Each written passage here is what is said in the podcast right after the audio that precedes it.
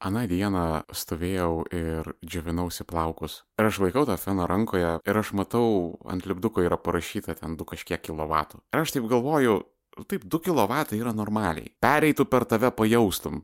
Ir aš taip akimis nuseku laidą. Jisai vat nueina iki rozetės ir aš taip galvoju, va tas va laidas, ne? Jo viduryje, ten, tengi mirtis. Visą ten, vat, atmesk tuos kelis milimetrus izolacijos, ten, ten yra mirtis, jeigu tu paimsi už to pliko laido, kad afenas veikia viskas. Jeigu nepaleisi per tave pereis dafiga amperų. Ir vat aš pradėjau susimastyti, kaip mes žmonės apsiprandam su pavoju. Vat aš džiovinuosi plaukus, savo nuostabius tankius, vešlius, juodus, banguotus, kaip širinskinės pažastis plaukus. Ir iki to daikto mano rankoje ateina tokia guminio šlanga su mirtim viduje. Ir ta mirtis ateina iš sienos. Vat sienoje yra skylė su mirtim. Ir ta sienos skylė veda po to į tokį didelį pastatą, kur vyksta sprogimai, sukasi metalas ir gaminasi mirtis. O dar būna tokie malūnai, kuriuose sukasi elektromagnetinės bangos ir lygiai taip pat gaminasi mirtis. O dar tokios plokštės yra ir kada šviečia saulė, juose vyksta chemija ir jos irgi gamina mirtį. Ir ta mirtis išeina iš skylės sienoje ir man džiovina plaukus, pagaminta iš fucking saulės. Vat įsivaizduokit, tai reikėtų paaiškinti ateiviams.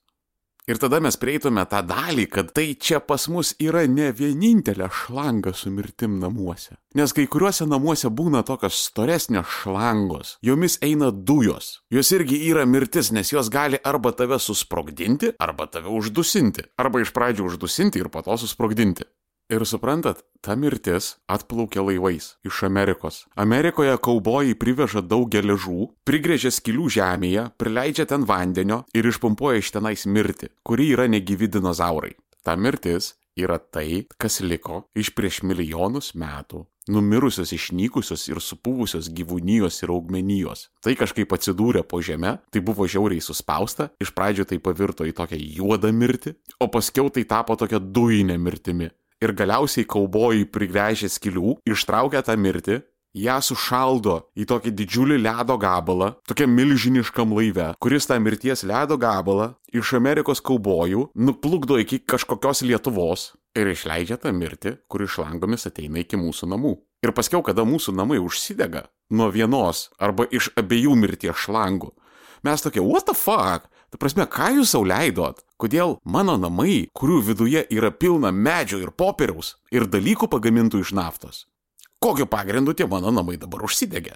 Mūsų namuose, tose vietose, kur mes gyvenam, miegam, mylimės, tuštinamės, auginam vaikus. Sienose yra skylės su mirtimi, kur tu tiesiog gali prieiti, įkišti du metalinius daiktus ir nusitrenkti negyvai, ko jokiais būdais šiukštų niekada negalima daryti. Niekada nekiškite jokių daiktų į rozetės. Ir tą mes mirtį naudojam dalykams daryti. Ir vėl grįžtu atgal prie feno. 2 kW.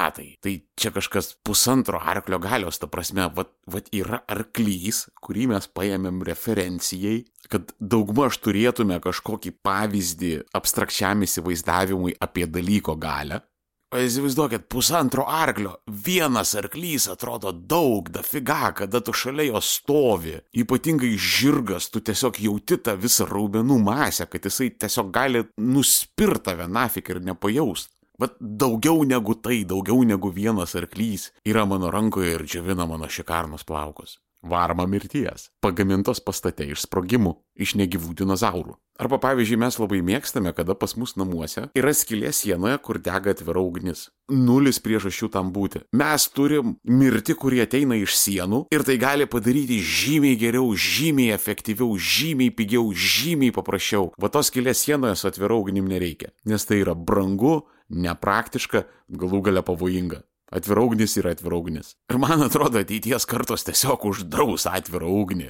Man atrodo, tiesiog, kada nebeliks vidaus degimo variklių, kada viskas bus aikosai arba veipai, man atrodo, ugnis tiesiog bus uždrausta. Kaip kažkada buvo uždrausti radioaktyvūs produktai. Nes 20-ojo amžiaus pradžioje buvo actual mada ant radioaktyvių produktų. Radioaktyvi kosmetika, radioaktyvios cigaretės, radioaktyvūs papildai. Ir vienas sportininkas reklamavo radioaktyvų vandenį ir jisai mirė klaikiai, jam išpuvo žandikaulis tikrąją to žodžio prasme. Įteko laidoti švininėme karste, nes jo lavonas po šiai dienai yra pavojingai radioaktyvus. Vat kada valstybės pamatė, kad viskas, viso hebra, prisižaidėt, atiduodat visą radiaciją man. Ir man atrodo vieną dieną mūsų ateities kartoms kaip planšetė iš rankų atims ugnį.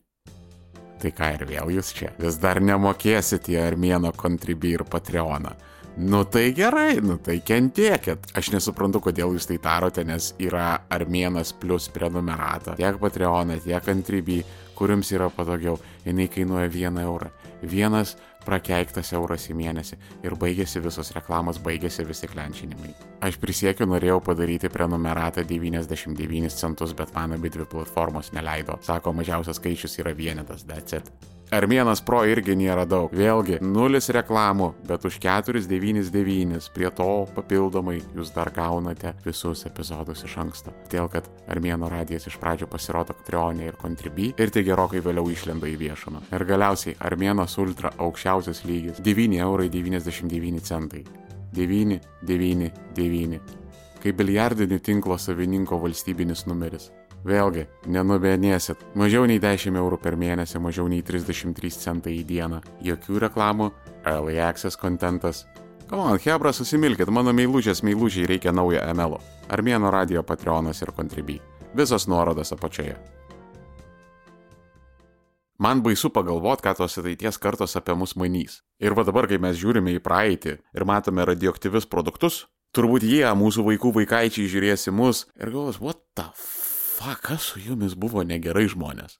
Kas, kas duos susižavėjimas, kas duos fetišą su ta ugnim. Ir man atrodo, tada bus viskas legalu, herka bus legali, kokainas bus legalus, galėsit nueiti į vaistinę nusipirkti. Ir tada farmacijos pramonė ateis į narkotikų rinką ir prigamins fantastiškų, fenomenalių, nuostabių dalykų, o barygos, man atrodo, pardavinės degtukus. Ir tada turbūt kaip dabartiniai tesoneto hipsteriai, kurie prisiklauso visokio Džau Raugano ir pradeda tripinti ant rūkšties sensory deprivation tenkuose. Turbūt ateities tesoneto brau hipsteriai pasislėpė kepšašlą. Like, seni, kad ugnis yra pavojinga, čia buvo visiška respublikonų propaganda, supratai? Ne ugnis žudo žmonės, o žmonės žudo žmonės. Seni. Nes visada taip yra. Kažką gauni, kažką prarandi. Mes greičiausiai atgausim pilnai narkotikus ir prostitutės, kurie su mumis buvo nuo pat žmonijos pradžios iki gero gilaus XIX amžiaus pabaigos. Mes tai atgausim, bet prarasim ugnį. Kažką gauni, kažką prarandi.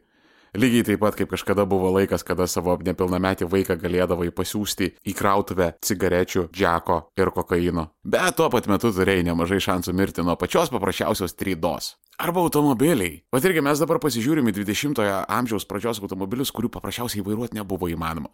Aš garantuoju, dauguma dženziukų su žiguliu daugiau nei 100 metrų nepavažiuotų.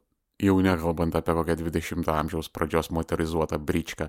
Kažkai kaip jie žiūrės į mūsų mašinas? Tipo, ta prasme vairavot. Ta prasme, actually atsisėdot ir vairavot. Kad kas būtų?